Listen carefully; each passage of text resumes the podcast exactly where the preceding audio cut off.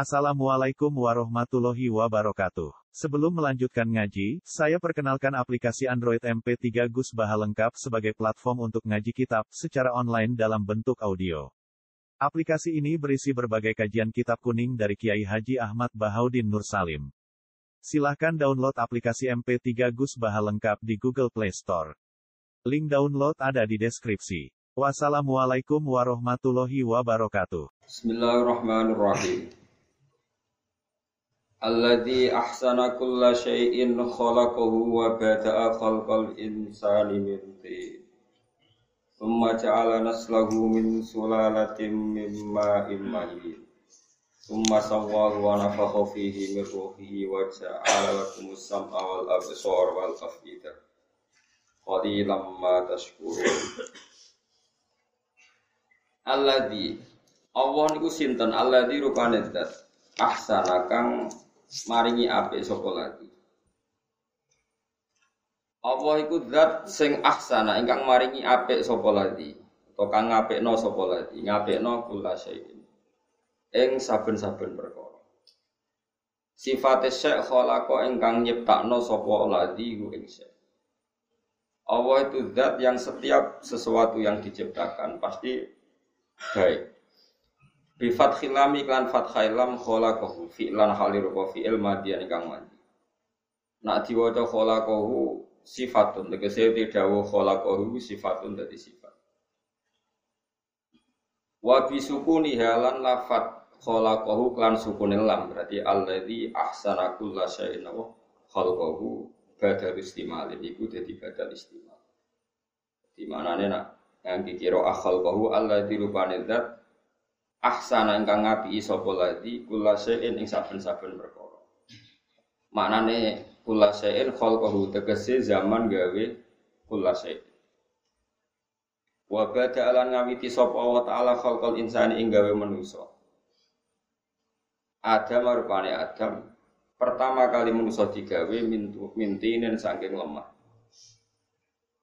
Sumaja alam mengkono gawe sapa wa taala nastahu ing anak turune Adam, tahu tegese anak turune Adam. Digawe min sulalatin sangking sulala. Sangking sari utawi sangking ini anane kulkotin. Kulkoh niku wonten sing manane segumpal darah utawa sesuatu sing nempel mimma in sangking banyu mahinin kang ino manane ino ku dikesampingno. Imam Suyuti maknani do event tegese ingkang apes utawi ingkang lemah. Dua utai ma ummahin wa al maul mahin anut fatu iku sperma atau mani. Suma sawahu mongko gawe napa? Gawe rata atau gawe seimbang sapa Allah taala, gawe tasfiyah, gawe seimbang sapa Allah taala ku ing Adam. Khalaqa se khalaqa Adam tegese Allah gawe seimbang dengan penciptaan Nabi Adam. Wana fakhofihi mirruhi. Wana fakholan niyupno sopa Allah Ta'ala fihi ing dalam Adam. Allah niyupno min ruhi sangking roh sing digawe Allah. Utai roh sing diidofahno ning Allah. Mana ini anut kulo gitu. Lafat-lafat. Terus ngeten kalau terangkan ya. Lafat-lafat mutasyabihat itu lafat-lafat sing dohire iku ana serupane Allah ning makhluk. Ya kados Nabi Adam Allah nyifati niku wa nafakhtu fihi min ruhi. Ayat sing terkenal lho. Wa nafakhtu fihi min ruhi. Pada Adam saya tiupkan roh saya. Nah, maknani dohire kan Allah punya roh dan sebagian roh itu diberikan atau ditempelkan ke Nabi Adam. Dan itu masalah besar karena e, kesannya kita-kita ini mengandung roh Allah. E, makanya terus ada kaidah ke dalam dalam ilmunya ulama itu nggak boleh tahakum manut tahakum jamaah jadi nggak boleh menyimpulkan hukumnya Allah dan Rasul itu dari terjemah. Orang boleh ibu-ibu ngalim mau terjemah, tapi nak ngerasa alim tenan, atau terus fatwa lewat terjemah itu haram nopo besar. Karena terjemah itu pasti mengandung kasus tadi. Misalnya, saya tiupkan kepada Adam mirruhi dari roh saya. Kayak itu memiliki wana fakhofihi mirruhi. Nah, ini termasuk mutasyabihat ayat-ayat yang kita tidak tahu persis maknanya, tapi tahu persis kaidahnya. Ini rumah notenan. Tahu persis kaidahnya gini. Eh, ada beberapa kaidah dalam bahasa Arab namanya al idofa litashrif. Idofa itu mengisnatkan sesuatu pada Allah itu litashrif karena sesuatu ini sangat mulia, sangat terhormat. E, misalnya orang nyebut masjid itu apa? Baitullah. Masjid elek panjang lah itu jadi Baitullah. Terus barang itu mau pangeran cek malah sih masjid. Ini betul. Masjid itu bahasa Arab ya? Kayak itu. Masuk sing panjang apa kudu sing mewah? Masuk sing panjang lagi. Kayak itu. Orang iso apa artinya was pangeran cek melase. Sing dibangun koruptor guys jenenge. Karena masjid itu tempat yang terhormat, sehingga kita perlu menyebut itu nama itu.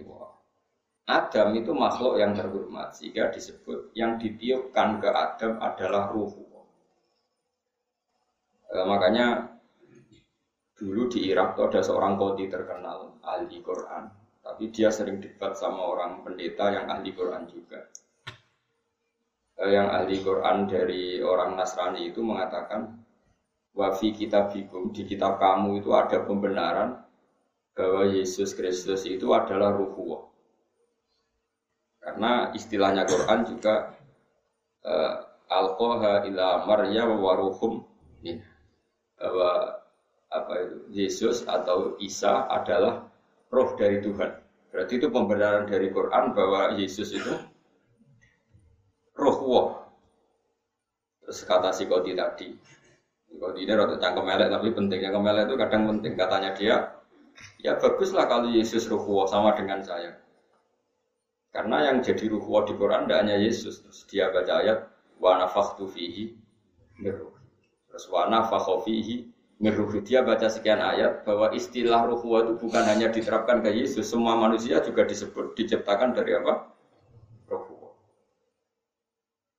Paham ya? Makanya ini hati-hati dalam makna Quran. Jadi ada beberapa lafaz di Quran yang kita mau tidak mau memaknai itu ngikuti ulama. Meskipun makna itu menjadi panjang kayak tadi. Wa nafakholan niyubno sopo Allah fihi dalam Adam miruhi sanging roh sing diciptakno Tomir ruhi saking roh sing kecelok iku ruhe pangeran, tapi mau mana yang dinisbatkan pada ruhe pangeran. Tapi kamu jangan bayangkan ada rohnya Allah yang dibagi di pangeran tiga nos itu Nabi Eja alahu tegese gawe sapa wa ta'ala gu ing Adam digawe hayan ingkang urip. Hassasan tur ingkang duwe indra sing iso mengindra. Ba'da angka ana sausi ana sapa Adam iku jama dan barang sing atos. Jamat atau semanane ora ora iso mikir benda mati itu jumut. Wajah alalan gawe sapa wa taala laku maring sira kabeh, eli dzurriyyati tegese maring anak turune Adam Allah gawe asama ing pendengaran. Di makna asma'i klan nganggo makna pira-pira pendengaran. Wal absara lan pira-pira peninggalan, wal afidata lan pira-pira ati, ayil quluba tegese pira-pira ati. Qali lama sidik banget askuru nasyukur sira kabeh. Ma tema iku zaidatun iku zaidah. Muakkidatun tur nguatno. Nguatno lil kilati maring banget sithik. Dadi qalilan ku sithik, nak qalilan masih sithik banget. Kasiron ku akeh, nak wong Arab muni akeh banget apa? Kasiron ma. Pokoke bahasa Arab ku gampang. Wong Arab nak muni sithik qalilan, nak sithik banget qalilan. Kasiron akeh, nak kasiron ma akeh banget. Ma tema iku zaidatun zaidah muakidatun kang nokiti bil kilati maring sidik sanget sidik e wong syukur banget sidik. Wa qalu aida dolalna fil ardi a inna la fi khalqin jadid. Wa qalu lan padha ngucap sapa wong akeh, wong akeh sing ngingkari ba'as, ngingkari kebangkitan sangka Eh mungkirul ba'si tegese wong-wong sing ngingkari terjadine kebangkitan oleh ngucap aidza dalalna. Ana ta nalikane ilang kita, manane tertanam kita, ilang manane kependem ora kita. fil ardi ing dalem bumi. Khibna tegese wis ghaib kita, kependem kita via ing dalem arep. Bi ansirna gambare arep yen to dadi sapa kita turoban wis lemah. Mukhtaliton tor ingkang campur dituro biha kelawan lemah lemah arep. A inna la fi khalqin jadid. Ana to bener sak temene kita, ana to iku sak temene kita la fi khalqin. Yaktine ing dalam kejadian jadi den kang. Utai dawu aina fi khalqin jadid istifamun istifham ingkariyun kang ingkar. Bitahqiqil hamzah ini kelaman maca tahqiq ngetokno hamzah loro nek kados kira kita a inna a yo hamzah i gitu hamzah Wa tasilisani atilan nasil hamzah sing kedua wa itu kholi alif nang lebono alif beda kuma antarane hamzah dan alal wajah ini ngatasi wajah loro fil mauti ini dalam panggonan loro. Wala dawu sapa wa ta'ala balhum biliko irobihim kafirun. Balhum balik utawi wong kafir biliko irobihim lan ketemu neng pangerane kufar kayak bil basi tegese klan bas. Iku kafirun iku kafir kafir. Kul ngucap sira Muhammad lagu maring kufar Kowe ngucap ngene, ya tawafaku. Bakal mata ini kum ing kabeh sapa malakul mauti sapa malaikat pati. Allah dikang Wuki lakang den pasrai sapa ladi bikum ing sira kabeh. Dipasrai bikop di arwahikum kelawan jabut roh-roh kabeh. Suma ila rabbikum mongko nuli maring pangeran sira kabeh turjauna den balekno sira kabeh. Iki dibalekno ahya an. Fayujaziyakum Ngono semoga fayu jazikum sami. Mongko dadi sebabnya males sapa apa kum sira kabeh bi amalikum ing ngamal-ngamal sira mun mun kadung ya, mun kadung kula terangno kula terangno menisan. Terus ngeten kula terangaken. Er, masalah-masalah maknani Quran ya. Maknani kula baleni malih Masalah-masalah maknani apa? Quran. Quran itu turun itu kan sudah ada kaidah baik kaidah itu kaidah yang diciptakan ulama maupun kaidah peradaban. Peradaban itu istimal, istimalul arab. Seorang lagi yang namanya peradaban itu apa? Istimalul arab. E, orang Arab pasti tahu kalau arahnya seperti itu, namanya peradaban. Istimalul arab.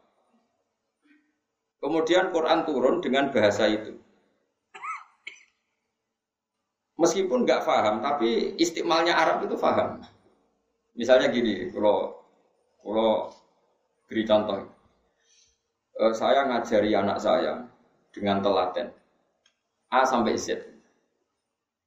Saya punya anak, saya latih dagang dan saya latih itu A sampai Z. A sampai Z itu kan tidak tentang ilmu dagang. Tapi kinayatun anil ikhatoh, sesuatu yang satu sampai selesai. Itu disebut A sampai apa? Z. Saya ulang lagi ya, bersamaan terlatih. Saya punya anak pedagang, karena saya pedagang punya anak saya latih dagang. Wah tak latih kabeh sampai A sampai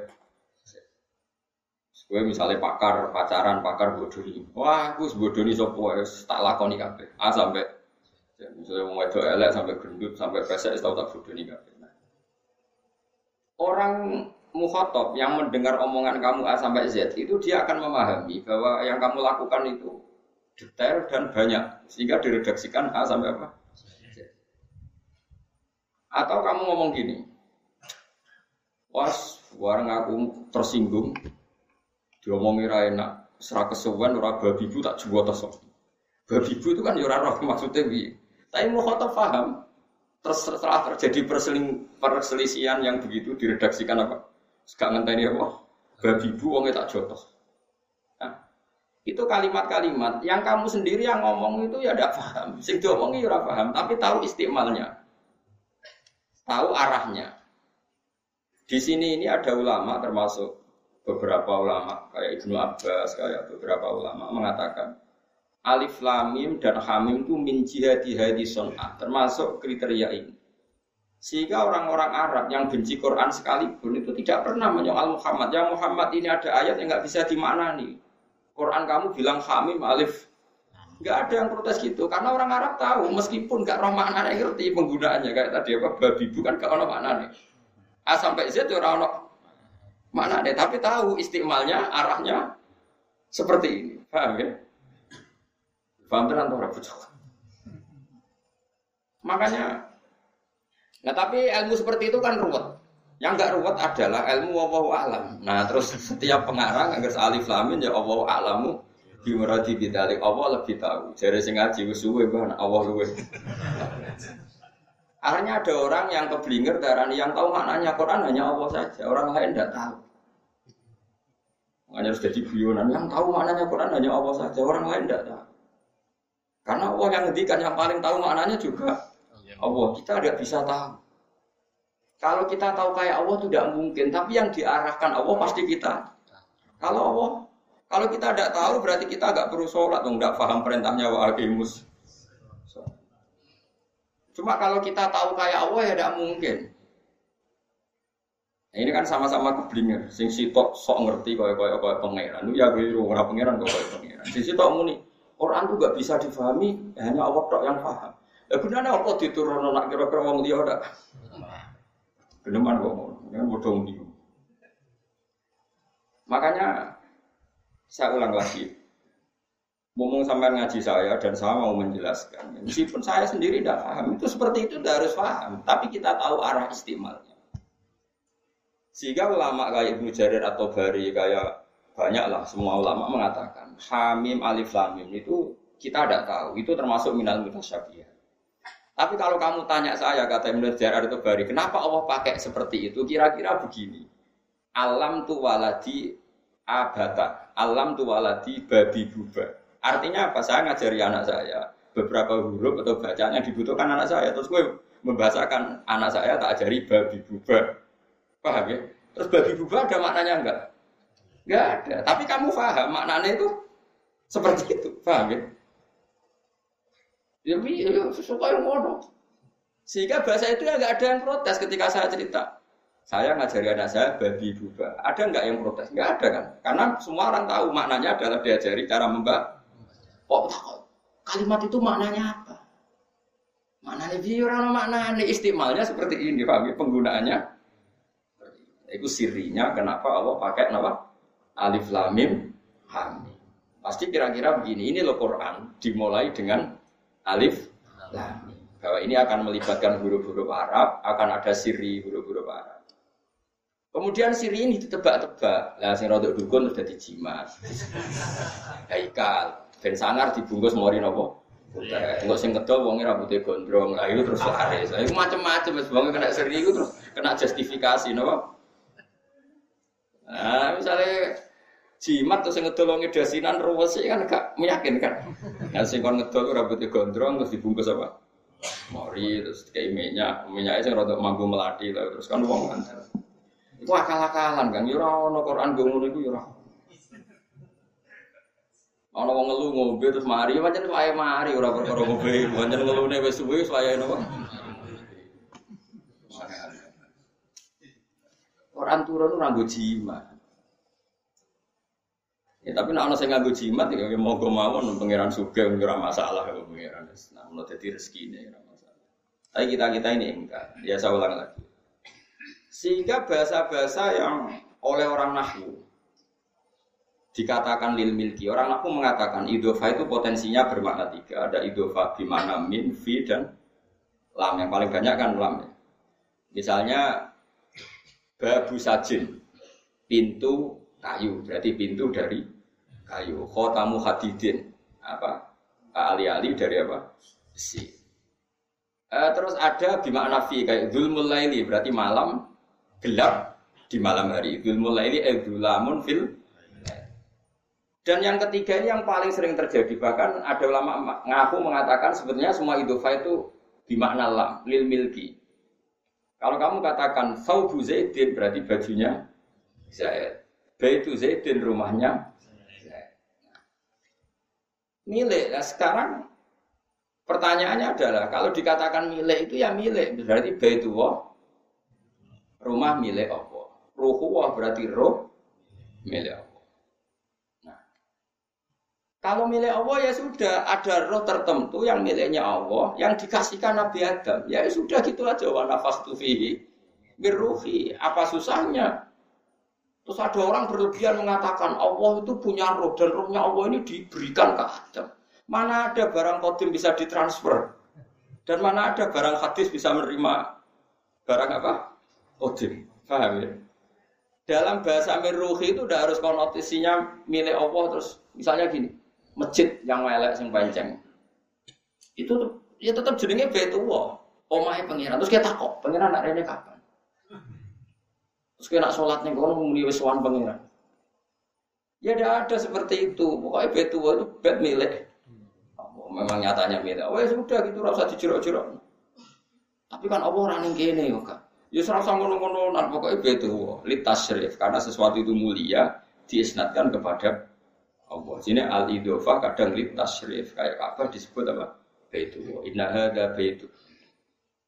Ini penting saya jelaskan, makanya saya ingkar seingkar-ingkarnya. Saya ulang lagi, saya ingkar seingkar-ingkarnya. Kalau ada orang membuat hukum atau kesimpulan dari Quran terjemah itu tidak bisa. Terjemah itu tidak mewakili maknanya apa? Quran. Karena terjemah ini kan ya terjemah. Quran turun itu sudah ada aturan yang melatar belakangi, kemudian Quran turun. Misalnya begini, saya contohkan bab fikih saja yang paling gampang itu bab fikih. Ya dengarin ya, saya mencontohkan bab Orang kawin itu berarti kan lelaki sama perempuan, ya, sepakat ya? Dulu zaman orang kafir lah itu yakin yang namanya kawin itu ya lelaki sama perempuan. Kalau yang sejenis Dulu nggak ada bahasa LGBT, tapi kalau yang namanya kawin itu ya laki dan perempuan. Ya. Terus yang namanya perempuan itu ya anaknya orang. Kalau anaknya orang, kalau mau kawin ya yang kawin kan yang punya anak. Kalau dia kawin sendiri, jadi demenan bukan kawin. Nah ini cerita zaman jahiliyah, bukan zaman Islam. Sehingga kata Imam Nawawi yang ngarang kita majmu, nikahul kufar sohihun, nikahnya orang kafir itu sah. Karena mereka menikah itu ya dengan cara yang kita yakini. Zaman sebelum ada Rasulullah, orang kafir ya gak nikah dengan saudaranya, dengan bulenya, dengan ponakannya. Mereka nikah pasti dengan orang dan Allah menyebut ya imro'ata Fir'aun, istri Fir'aun. Imro'ati Abi Lahab, wa istrinya Abu. Gak ada Allah bilang demenannya Abu. Karena mereka kawin. Paham ya? Dan kawinnya ya sah, ya sah itu ya dikawinkan bapaknya, disaksikan orang banyak dan tidak mahram. Sehingga saya ulang lagi sehingga termasuk kebanggaan Rasulullah dan keluarga besar Quraisy adalah tarokus sifah falam yusibhum aruhu min adami wa ila abihi wa ummihi. Allah membuat Muhammad ini spesial. Hafidhul ilahu karomatal li Muhammad Madin abahul amjada saunalis nihi tarakus sifah hafalam yusibum aruhu min adami wa ila biyomim. Keluarga Muhammad itu keluarga yang terhormat. Mbah-mbahnya gak ada yang zina. Kalau kumpul sama perempuan pasti lewat nikah. Itu min adami wa ila abiyomim mulai Nabi Adam sampai Said Abdul. Terus kamu ngomong gini, Islam datang buat aturan nikah. Sebelum Islam gak ada nikah. Ini omongannya mubalek, gak ada ulama ngomong seperti itu. Paham? Nikah itu syariat syariat kodimah, syariat dulu nikah itu ada. Dan orang kafir pun menikahnya secara benar. Artinya kalau mereka salah, mereka pun mengatakan demenan. Dulu Mughirah itu demenan. Ya orang bilang demenan yang Mughirah. Kalau yang istrinya ya istrinya Mughirah. Sehingga Allah menyebut wa mro'ata Fir'aun. Semua mengatakan istrinya Fir'aun. Istrinya Abu. Karena dinikah secara sah dan dengan cara yang sah. Kemudian kata Imam Nawawi, dan ini semua ulama mengatakan demikian. Angger gak, gak ngomong ini ya orang ulama. Nekahnya orang kafir itu kita sahkan, meskipun dengan cara yang salah. Asal cara yang salah ini bukan datiyah dalam rukun nekah. Bisa kita benahi. Misalnya gini, nekah itu pokoknya anggur wis lanang wedok, ono bapak teko, dangdutan, terus neng kono wis ono nanggap ceki. Yo berarti wis nikah. Ya sah, meskipun dengan cara seperti itu, Ya misalnya gini ya, ada orang kafir, misalnya Abu Lahab atau Fir'aun, nikah ukurannya yang harus wong wedok teko, bapak teko, sehingga nono dangdutan, nono nanggap apa wayang apa pokoknya ya seperti itu dikatakan nikah ya kita katakan itu. Selagi dalam nikah itu tidak terjadi datia yang tidak hilang setelah Islam. Kecuali terjadi datia yang Islam nggak mengesahkan. Misalnya ngawini ponakannya atau ngawini saud darahnya atau ngawini buliknya. Ada datiyah yang menurut Islam nggak bisa diteruskan karena menikahi mah mahram. Kalau terjadi seperti itu, nikah kita batal, Tapi kalau salahnya itu hanya karena tadi akadnya lewat cukup dengan dangdutan, akadnya cukup bapak EU, kayak apa yang buat badu eh bopo gak ada sewa tijab kabul. Ya sudah sah. Makanya menurut saya nikah-nikah yang terjadi di Indonesia dengan banyak kekacauan itu karena kita tidak alim atau kulturnya salah cara kalau bisa asal datiahnya ini makanya menurut saya kalau teman-teman saya yang ngaji fikih ini semua yang kangkang yang masih ngaji fikih sementing sampai apal jumlah muharramat orang yang jadi mahram itu saja yaitu khurimas alikum ummahatukum wa banatukum wa akhwatukum wa ammatukum wa kholatukum wa banatul akhi wa banatul ukhti itu yang penting tuh muharramat berapa itu tujuh Tujuh yang dorong Jawa itu lima. Wah kalau ngelotok. Kayak kulo ngono, apal tenan. Umun, mbok. Mbok itu sapa aja? Man waladatka, orang yang melahirkan kamu. Itu jenenge mbok. Apa? Hurmat alaikum ummahatukum. Terus bintun. Nah sekarang bintun itu siapa coba ayo? Sing ngaji ini Isan Arifi. Bintun itu mananya apa? Orang perempuan yang dilahirkan istri sah kamu itu jenenge bintun. Tapi kena demeni wong terus dia anak wedok. Hasil demen anak itu orang iso darani anakmu. Sehingga kalau dia nikah nggak boleh kamu jadi wali. Paham ya?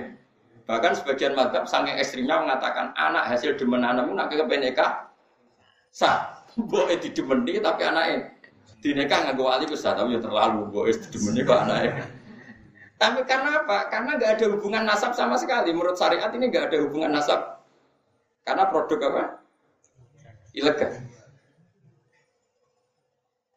Umun bintun apa tadi khurimas alikum ummahatukum wa banatukum wa akhwatukum. Saudara perempuan sekandung.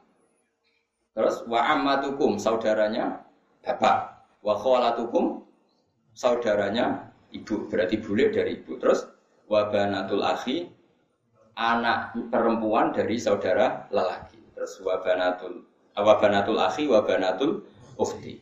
Makanya Islam menghitung tujuh, tapi kalau kita ngitung itu lima, karena kita hanya ngitung apa ibu, anak wedok, ponaan, eh apa, bule, kalau sebenarnya ibu, anak wedok, dulur, bule, ponaan. Sehingga orang Jawa ngitung mau lima, mereka orang Jawa dulure bapak ya bule, dulure ibu boleh. Nah cara Arab dulure bapak iku ammah, dulure ibu pola. Ponaan cara Jawa ya ponaan, cara Arab ponaan banatul akhi, ponaan banatul ukhti. Paham ya?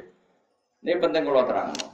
Sehingga kalau nikah hul kufar dan setelah nikah gak terjadi mahromiyah yang abadi, maka nikahnya kita katakan sah meskipun ketika nikah dengan kefiah yang salah. Misalnya sewotnya salah, saksinya apa? Fasih. Tapi asal tadi yang dinikah tetap, tetap perempuan yang tidak mah. Tapi kalau yang dinikah itu perempuan yang mahram, Islam akan membatalkan karena ini membawa datiyah, membawa rukun yang fatal.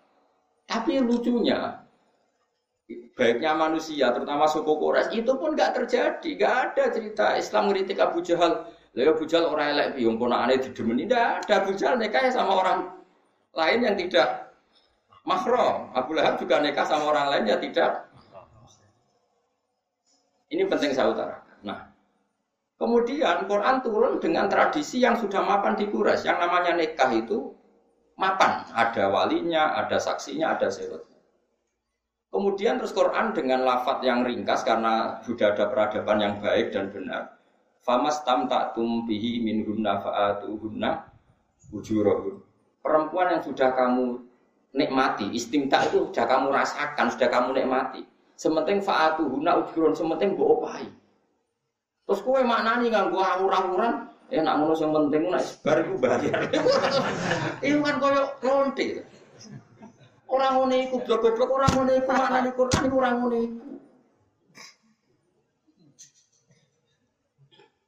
Makanya ya saya ulang lagi, gak bisa maknani Quran seperti Kowe ra iso misale darani tikus ku halal ning Quran ra ono muni tikus iku haram ora ono.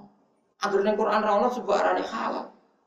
Ini Quran yo ora ono haramnya mangan racun, mangan kabel, mangan HP, yo ora ono. Mergo pangeran pirsa wong mangan kabel lah sereten dhewe. Ukurannya tidak seperti itu begini tak warai. Orang Arab itu sudah mapan dalam berperadaban. Lagi-lagi Quran turun itu sudah ada peradaban. Di antara peradaban terhormatnya suku Quraisy adalah mereka makan sesuatu itu yang baik, yang tidak punya efek negatif. Dan mereka mensifati nabinya yaitu nabi itu siapa? Nabi adalah wana alladzi yu'minu terus nabi yu'minu terus seperti wa yuhillu lahum thayyibat wa yuharrimu alaihimul khaba'is. Nabi adalah orang yang menghalalkan sesuatu yang baik wa yuharrimu alaihimul khaba'is, mengharamkan sesuatu yang jorok, yang jijik. Jadi orang Arab akan tahu kalau kamu mengatakan yang nggak ada di Quran harami umbel ya kono tongseng. Umbel itu terus gue apa? Tongseng. Peletong botol ya tidak ada. Sudah ada kaidah yang namanya Muhammad atau Rasulullah atau Nabi Umi itu yang menghalalkan sesuatu yang bagus, yang mengharamkan sesuatu yang khobais. Khobais itu apa? Kata Imam Syafi'i satu makanan sing orang Arab yang terhormat itu merasa jijik. Saya perlu nggak mengharapkan ke santri-santri saya jong, jogeman mangan umbel, mangan tae, terus mangan. Kan darah kiai sarap, barang jelas kok diomong, no, kan mesti begitu. Jadi aku gak perlu ngarani jong, jogeman mangan cindil, ya orang mungkin. Wong wis ngerti, rasa diharam, no, nak wong normal, ya bakar mangan ini penting saya utarakan, kita tidak boleh pakai kaidah hampir Quran gak ngaram no berarti halal Quran sing di, Quran sing nganggo makna sopo. Quran empo Quranku. Nah Quranku orisinil waras. Quran itu kok terjemah, terjemah itu tidak makini Quran karena tadi Quran itu hidup di satu peradaban dan peradaban ini sudah mapan. Nah ini di sini kenapa Allah mengistilahkan istrinya Fir'aun, istrinya Abu Lahab. Karena ternyata mereka ya gak nikah sama orang yang makrom, nikah sama orang lain, guirul makrom. Ini penting terus saya utarakan. Begitu juga istilah ruhu wa ruhihi. Orang Arab tahu idofa itu tidak harus seperti itu. Mereka mereka sesuatu yang terhormat dikatakan baitullah. Paham ya? Berarti Bani Adam ya disebut holy fatullah. Terus sekarang misalnya kamu artikan secara terjemah, manusia adalah pengganti Allah di bumi. Mengenai pangeran sama melok melok kan mesti digenteni menuso. Terus pangeran saya santai seturu kan mesti pasrano menuso. Sudah kok gebrek ngono ya ora ono ngene. Ya pokoke pantes-pantese menuso berhubung keren disebut khalifatullah. Bono tambahane pranata gomo ora roh aku pokoke nak ning Quran itu disebut khalifat. Ya sudah kira usah GR aku khalifatullah. Gak oleh tak ngomani aku. Aku iki jare wong liya. Harman sampe kedok sekolah aku aku ya khalifatullah. Kok ora ono bare. Ini penting saya katakan ya. Jadi ngaji Quran itu aturannya sebagai mufassir itu harus ngerti istiqmalul arab. Seorang lagi apa? Istiqmalul arab. Makanya disebut wa innahu latanzilu rabbil alamin nazala bihir rohul amin ala qalbika litakuna minal mudhirin apa bilisanin arabiyyin mubin. Quran itu diturunkan dengan istiqmalul arab yang mubin yang jelas. Makanya kata Ibnu Jarir atau Bari, kemudian di era-era modern dikatakan saya mutawali sya'rohi. Tidak ada orang kafir yang menyoal alif lamin. Tapi kenapa sekarang banyak di kampus-kampus di kajian tafsir kita jangan putus asa mengetahui maknanya alif lamin. Jangan kayak tafsir dulu yang hanya bilang Allah alam ibu dulu. Kita harus berani menafsirkan. Ora berani menafsirkan jadi berani nekat ya. Ungkar wan ra kena diartekno kok dipeksa Wong kafir sing gedeng Quran wae ra iso mencibir alif. Lah mergo ngerti penggunaan itu normal. Meskipun ra artinya tapi penggunaan itu normal. Iya normal kayak saya ngomong, saya mengajarkan anak saya babi buba. Mukhotob ya tidak protes, Gus babi buba apa? Kalau ngomong yang jelas, ya berarti mukhotob bento, rano, mukhotob mesti ya paham, menurut? Saya ngajarkan anak saya A sampai, ya oh maknanya ngajari detail. Itu diredaksikan A sampai ya sudah pasti di, di semua laga ini mesti ada istiqmal. Nah, orang kafir, andai kan alif lamim itu penggunaan yang salah, pasti orang kafir bilang Muhammad, kata kamu Quran itu mubin, jelas. Tapi ini ada lafaz yang kamu sendiri tidak tahu maknanya. Ini apa-apaan?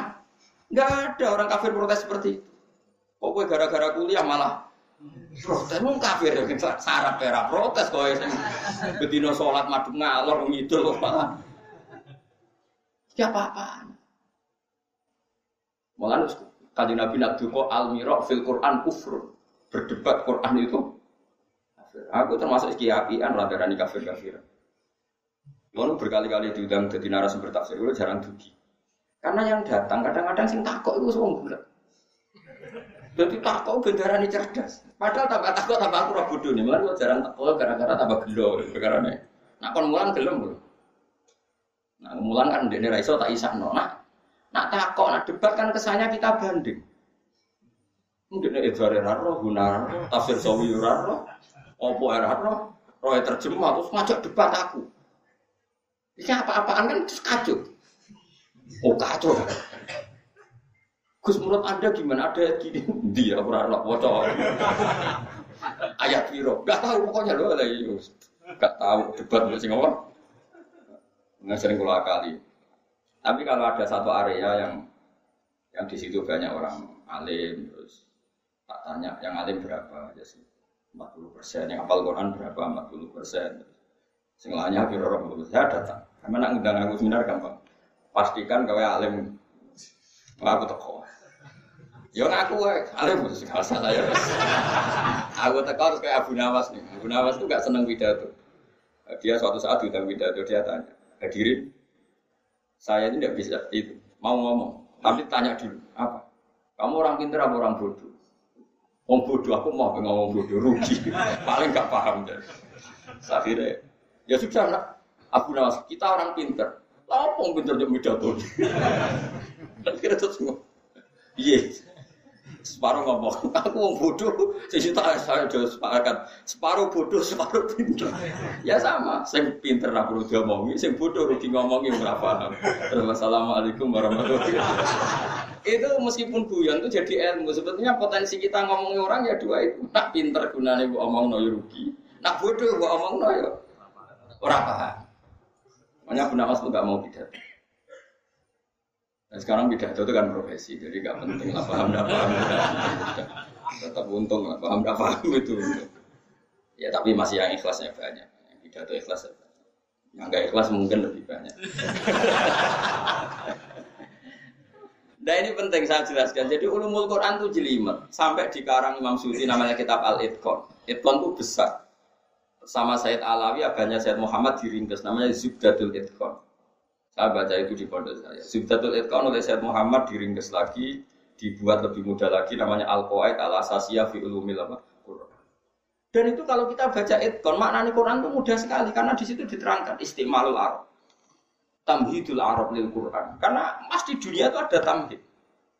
Sehingga tadi orang-orang yang alim muji Rasulullah apa coba? Hafidul ilahu karomatal di Muhammadin abahul amjada sonalismi tarokus sifah hafalam yusibhum aruhu. Semua babanya Nabi itu meninggalkan perzinaan. Padahal belum ada Islam. Tapi mereka tahu kalau zina itu buruk.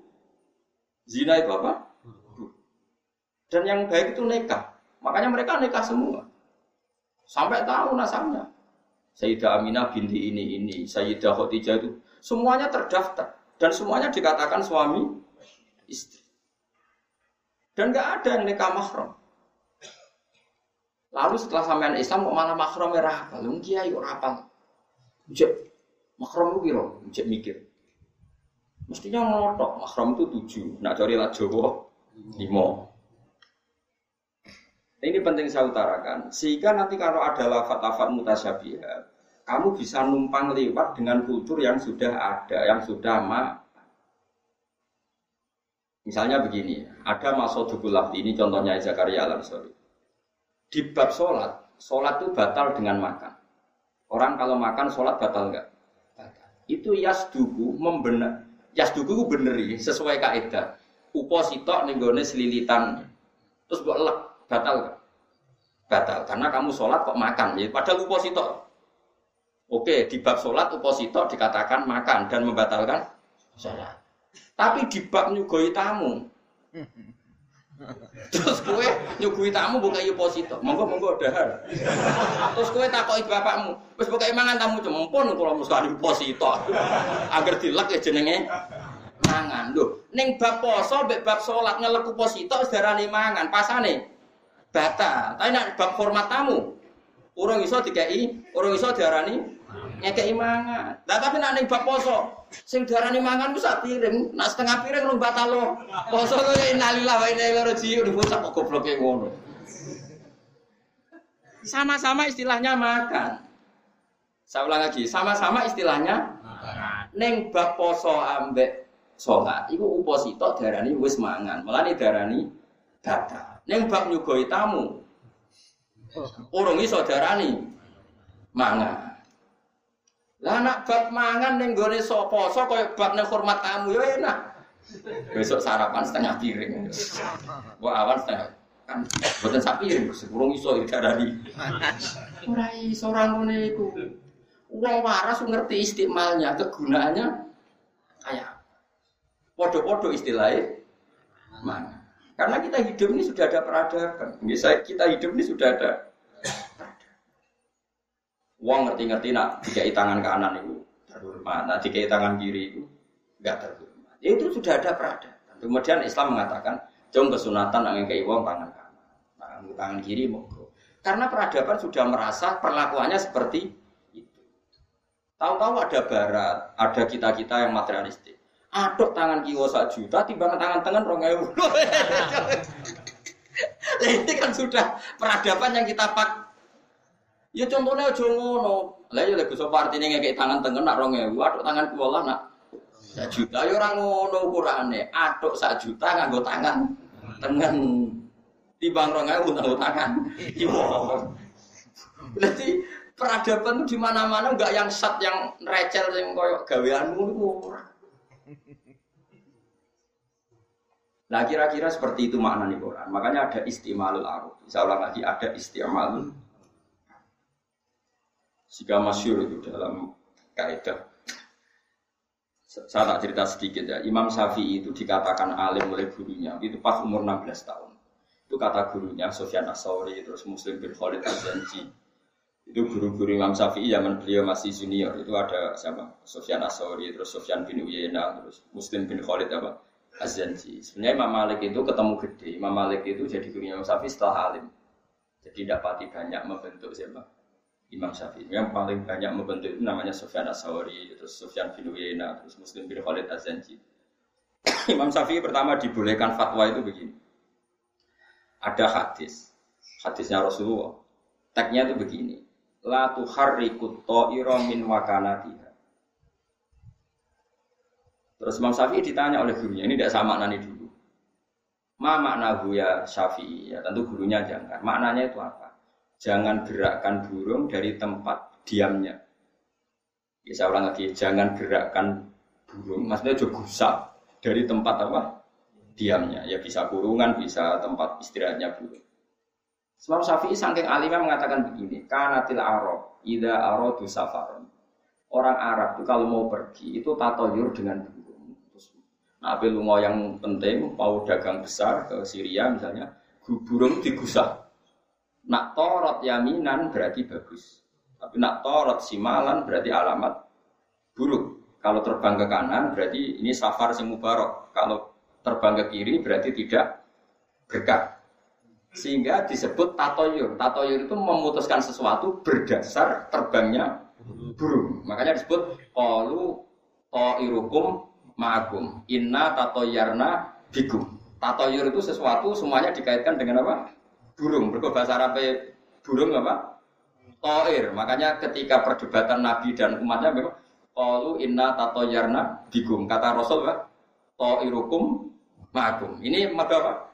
Semuanya berdasar apa? keputusan apa? Keputusan penting ini berdasar terbangnya apa? Burung. Makanya disebut toir. Terus Imam Syafi'i karena dia orang alim mengatakan begitu. Orang Arab Pak Guru itu punya adat kalau mau pergi itu gusah manuk. Nah manuk itu terbanganan mereka jadi pergi. Tapi kalau gusah ke apa terbang ke kiri berarti nggak jadi pergi. Terus kata guru-gurunya al ana kok ana laka antuftiya ya Syafi'i. Saiki gue suai fatwa. Wong lafat ngono tok kok kowe pahame nganti ngono. Karena tadi hadis itu sudah ada istiqmalul Arab. Coba kalau semaknani sampean, hadisnya kan mau ngene tok. ojo gusah manuk songko tempati. Terus buat Andai kan Imam Syafi'i itu koyok kue kan yang mau tok. Maknanya gitu pokoknya manuk ora oleh digusah. Kurang pegawaian tapi ya gusah manuk banget. Dari guru kan bocah kok geblak maksud. Enggak seperti itu. Manuk kok juga gusah, maknanya nak mbok gusah terus jadi penentuan hukum. Terus kue nentokno keputusan. Jadi misalnya kue coba pilihan presiden. Jokowi apa Pak Prabowo gusah. Sing kanan ditulis sapa sing kiri. Ya ora ono. Sesuai kapan ngelamar kerja gusah. Mana kok terbagi ngiri wis ora terus nol ngambar. Lah maksudnya seperti itulah. Terus kemudian kita maknani Quran. Qalu inna tatoyarna bikum terus ta'irukum ma'akum wa kullu insanin alzamnahu ta'irahu fi unuki. Terus kita tahu ya kenapa Quran sering pakai ta'ir tatoyarna karena ada istiqmalul arab ta'ir ini sebagai ukur ukuran. Saya itu terus bayang no. Gue maknani Quran, wong roh adatul arab ngerti-ngerti orang maknani Quran yang gue terjemah, ngerasa ngalim terus fatwa. Terus mau fatwa, gue enak wae. Kalau di Quran nggak ada ya halal, kalau di Quran ada ya halal. Saya kita takut ising rawono itu sing di. Ukuran rawono itu piye? Jelas nih Quran ono. Mengkarwan ono wa yuharrimu alaihimul khobais. Yang buruk-buruk itu diharamkan. Kue darani tikus iku minat toyibat. Lah apa mbok gusah mbok kei racun nak minat. Cekel lah wis keloni. Wong ini barang yang bah, bagus. Mesti kita darani tikus yo. Khobais kan sesuatu yang berarti kategorinya haram apa halal? Haram. Terus kita kamu mengharamkan tikus berani enggak kalau itu dari Quran? Kita berani karena tadi sifatnya Nabi adalah mengharamkan yang menjijikkan yang khobais. Paham tenang tuh? Paham ya, semuanya gue paham ya, pokoknya semuanya. Yang penting kamu tahu istiqmalul arab. Makanya kalau di Yasin ada inna tatoyar nabigum. Terus Nabi mengharamkan tatoyur. Tatoyur itu bikin keputusan berdasar terbangnya apa? Makanya kalau ada hadis jangan gerakkan burung dari tempat diamnya, mana nih jangan bikin keputusan berdasar terbangnya burung. Itu jenenge ngale, murah terjem. Nah, Akhirnya Imam Syafi'i darani, "I Syafi'i kowe saiki wayahe fatwa." Mergo wis dianggap ngali. Jadi di sini ngetes murid, aku yang mau ngetes sampeyan, demen kecewa tapi. Jadi rawol lagi jogeman kuliah terus alif lamin kita harus berani menafsirkan, jangan kayak ulama dulu gak berani menafsirkan. Ulama di sini harus nekat kau kue. Mesti mereka gak berani, kamu Ngkono waras, aku ya. Terus dia orang mulai suka, enggak boleh. Tapi yang pasti adalah ketika nggak tahu maknanya, kita tahu istimalnya. lagi meskipun kita nggak tahu maknanya, tahu istimalnya. Kayak kita mengatakan tadi, anak kami sudah saya ajari A sampai ya, sudah saya ajari babi buba. Itu kan nggak ada maknanya kalimat itu enggak. Tapi kita tahu arahnya kayak pun ya yakin paham ya. Nah, begitu seterusnya ruhu wah, baitu wah, dan seterusnya. Kita tahu ruhuwah itu ya sudah ruhuwah meskipun rara maknanya persis, tapi kita tahu istimalnya. Yaitu al-idho valid tasrif sesuatu yang mulia diisnatkan kepada Allah. Misalnya kamu sholat, aku tanya, kenapa kamu sholat? Walillahi ta'ala. Karena sholat itu sesuatu yang sakral. Meskipun hati ini hatimu ya, benar suatu sih. Tapi kan ben gaya muni apa? Lillah. Tenan boras pokoknya ben gaya kayak muni apa? Itu kita tahu istimewa. Pun begitu seterusnya dan seterusnya. Pokoknya kalau suwun gak nak mana di Quran gue dari ulama, gue ulama sih masih mau belajar, masih waras, masih ya masih waras terus masih waras. Karena serah belum belajar, senang duit, ku fatwa serempet. Karena orang senang duit gue repot.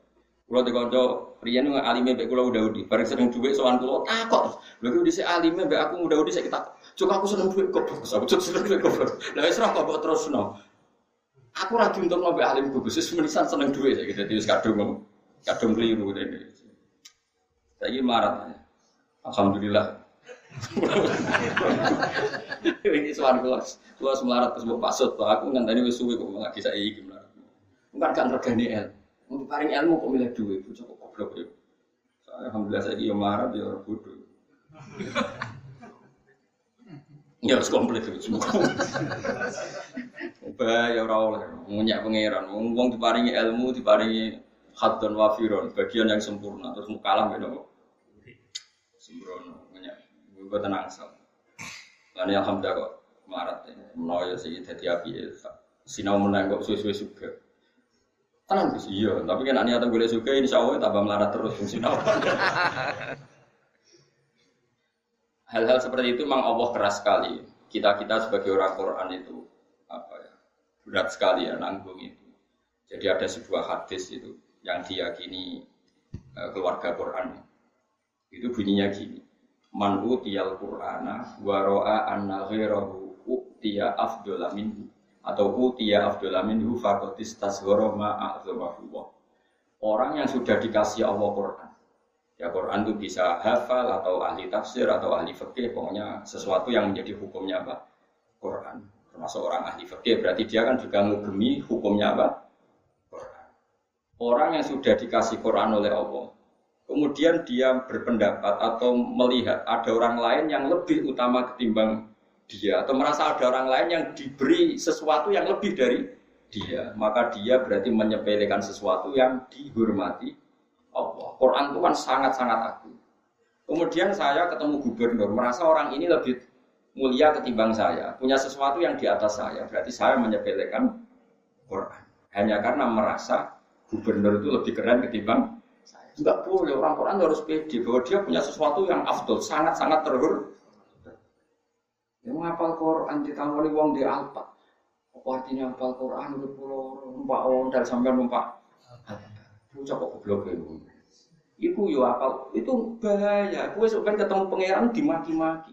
Kue wes tak kayak Quran kok merasa orang lain lebih afdol ketimbang Anda. Ini fakotistas loro ma dia mengecilkan sesuatu yang diagungkan. Makanya saya itu termasuk dia yang jarang menerima tamu. Maksudnya bukan nanti tamu saya, tapi saya itu dapat itu. Kayak kulo biasa. Kalau ditamoni bupati, ditamoni dokter spesialis ya biasa, standar. Nah biasanya teh tak sih Gelem yang ini kira, gelem yang saya kecewa ya karena murah kecewa ya karena. Dunia Ya, ya emang harus seperti itu. Ini bukan urusan sombong, ini urusan melawan nafsu. No? Melawan nafsu. Kamu nggak boleh sebagai orang Quran. Terus nggak nikmati Quran Anda nggak boleh. Ya tapi seperti ini kan sudah minoritas. Orang kayak saya itu sudah minoritas. Ya nggak apa-apa. Sepedi wae. Ya emang kan la tamuddanna nama ainaika ila ma mata'na bihi azwajan min zahratal hayatid dunya linaftinahum Rasulullah itu delok sapine tonggo, iku mek pangeran serawle. Kowe gak delok wong di dunia wae. Karena pikiran sederhana, misalnya gini, saya di rumah gitu, atau di mana saja. Ngerti tonggo di sapi 10 atau di mobil 10. CNAE wong iku, di mobil 10. Itu kan kamu anti ilmu Quran. Sebetulnya orang punya harta 10, itu kan punya hisap 10 dan punya masalah 10 karena ini nanti dipertanggungjawabkan di depan. Sementara kiapal 10 juz itu tidak ada hisapnya.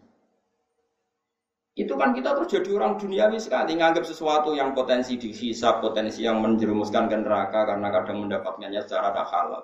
Kamu anggap enak tangga mobilnya 10, dunia ini ada. Terus kamu katanya ahli Quran, ahli Quran tuh sing jenenge enak ya wong sing bebas hisap, sing jenenge enak adalah wong sing dekat dengan Allah. Tapi kamu yang katanya ahli Quran darah ini enak sing di dunia, tapi apa-apa. Ya, tapi orang seperti ini kan banyak dan alhamdulillah serah ketara nak salah. Akhirnya kiai ngomong ngono yora F, hafid ngomong ngono yora F. Tapi kita, saya yang masih waras, ngomong ngono F. Yes, yes, saya serahkan aja cerita masa mengakhir, masya Allah. Habis pangeran gitu ya rapopo. Ini kalau ada rapopo, nyatanya Allah ya rapi Buku di sepuro nopo. Tapi kamu harus yakin itu tidak benar. Tradisi seperti itu tidak benar. Tetap man utiyal qur'ana wa ro'a anna ghairahu utiya afdala minhu faqad istasghara ma'a'dhamahu. Orang yang sudah dikasih Quran kemudian berpendapat atau meyakini ada orang lain yang mendapat lebih dari dia, maka dia menyepelekan sesuatu yang diagungkan. Makanya orang bawa Quran itu Makanya saya ke mana-mana itu masih sering ngebis. Bukan karena saya sufin. Saya itu ingin nggak bergantung orang lain, ya biasa saja. Saya Anak mobil ya biasa, ngebis ya biasa, hidup sendiri ya biasa, bareng huduk-huduk ini ya biasa. Pokoknya yang penting kabelillah wafil wafil. Karena ini penting. Nah, kalau tradisi itu sudah benar, terus kemudian kamu baca Quran, Ulillah sumadarhum fi khawdihim yalah. Ulillah menghadapi apa saja Muhammad. Kul katakan Muhammad Allah. Bahwa pegangan hukum kami itu satu Allah. Sumadarhum fi khawdihim ya biar mereka kaya itu. Sementing ulil baru paham. Ya tapi nak mental lemes duniawi rawong duwe bojo iri rawong suga iri kabeh iki. Maca Quran. Ulillah ya ora paham ya. Wong peradabannya seperti itu terus mau kulillah sumadarhum fi khawdihim terus tinggalkan mereka. Malah ke protes bapak pengen tinggalkan gimana Gusti? Itu mitra dagang saya mitra politik saya kok disuruh tinggalkan? Saya di dunia lalu sama siapa? Quran bawa coba ya rusak. Wong ayatnya kulillah sumadarhum maka tinggalkan. Beda dengan orang-orang ahli Quran. Saya bersama kamu karena diperintah Allah, ciri utama orang alim itu harus ngajar. Ya sudah, saya bersama kamu untuk ngajar. Tapi urusan dunia sebisa mungkin orang harus meninggalkan. Makanya banyak orang alim yang yang ekstrim. Tapi ya banyak juga yang baik. Ya macam-macam. Saya dapat orang alim ini. Jadi saya mohon sekali ya. Jadi kalau baca Quran itu harus baca peradaban baru. Karena Quran ini kalimat pipi Quran itu kalam. Di mana mana kalam itu ada pijakannya. Ya, kalam itu pasti ada apa? Pijakan. Nah, tapi orang kaji Quran sekarang itu nggak usah pijakan tidak ada tamhidnya. Makanya di apa untuk memahami guru Quran disebut ilmu usul fikih. Untuk menganalisis maknanya apa? Quran. Dan itu kelihatan gampang kalau pakai ilmu apa? Usul yang masyur yaitu Imam Syafi'i tadi Masyur itu kan Imam Syafi'i. Kamu kalau di padang pasir itu boleh tayamum setelah kamu mencari-cari air. Terus kata kita Fathul Qorib, kalau ada gunung yang nyari ke atas, kalau ada alabah ya cari ke bawah. Yang penting nyari dulu. Setelah nyari, baru kamu boleh tayamum. Imam Syafi'i ditanya, kenapa harus nyari dulu? Kokola ta'ala falam tajidu ma'an. Kamu tidak menemukan air. Di mana-mana tidak menemukan setelah mencari. Nah orang mencari jenis gak roh. Nah itu itu Imam Syafi'i. Jadi kata Allah kan mengatakan kamu boleh tayamum kalau falam tajidu ma'an kamu tidak menemukan air baru mamu. Di mana-mana bahasa tidak menemukan setelah mencari. Akhirnya Imam Syafi'i mengatakan boleh tayamum kalau fil mafawis di padang Sahara setelah mencari Setelah mencari-cari tidak ketemu baru tayamum. Nah itu Imam Syafi'i mengatakan itu dari ayat falam tajidu ma'an. Kemudian kamu tidak menemukan air. Di ke mana-mana kata tidak menemukan setelah mencari. Kalau belum mencari jenenge tidak tahu. Itu jenenge istiqmalul arab. Kami pun kalau terus dong. Supaya wong alim tenan sampean Kang. Paham iku jos tenan. Engko ulang no supaya wong alim. Ibu-ibu. Engko engko nek terusno ya ora pokoke ngono. Napa? Pokoke keren kok napa? A inna la fi khalqin jadid. Uta inna istifamun istifam tangki ingkariun kang basa ingkar bitahqiqil hamzah tadi kelan akhir lam wa tasilisaniyah. Lan hasil sing kedua wa oleh alifin. Terus wakila fikum. Balhum biliko irabbihim kafirun. Wa idkhali alifin bainahum alal wajhi ing atas wajah lur fil mautin. Qala ta'ala bal bal utai kufar biliko irabbihim kelan ketemu ning pangerane kufar. E bil basi tegese kelanane bas iku kafiruna kafir kafir Kul ngucap Muhammad lagu maring kufar ya tawafakum bakal mata ini kum sira kabeh.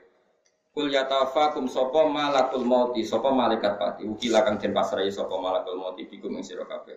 Eh bikum di arwahikum tegese kelawan buk nyawa-nyawa sira kabeh. Suma ila rabbikum mongko nuli maring pangeran sira kabeh turjauna den balekno sira kabeh. Dibalekno ahyaan hale urip-urip kabeh. Kayu jaziakum to kayu jazikum mongko males sapa taala kum sira kabeh bi amalikum lan ngamal-ngamal sira kabeh. Alamin. Pokoknya kalau pesen gitu, pokoknya kalau suwun, pokoknya nak mana nih Quran, nganggi terjemah, buatan apa nopo. Sementing buatan untuk hukum. Misalnya, sementing tidak untuk apa? Hukum. Kalau untuk hukum itu harus mengkaji eh, detail-detail itu di kitab fikih. Karena tadi kalau sampai nuruti hanya dohiri lafat ya ada ayat famas tam tak tubihi minuna fa'atuhuna apa? Tapi kan tidak mungkin mananya seperti itu. Ya, pokoknya kalau suwon sekali ya kalau maknani Quran itu pakai tamhid, pakai dasaran istimalul arab, kemudian oleh adat yang bernama jalan kayak tadi yang tatoyir tadi, kemudian kamu baru menentukan apa makna.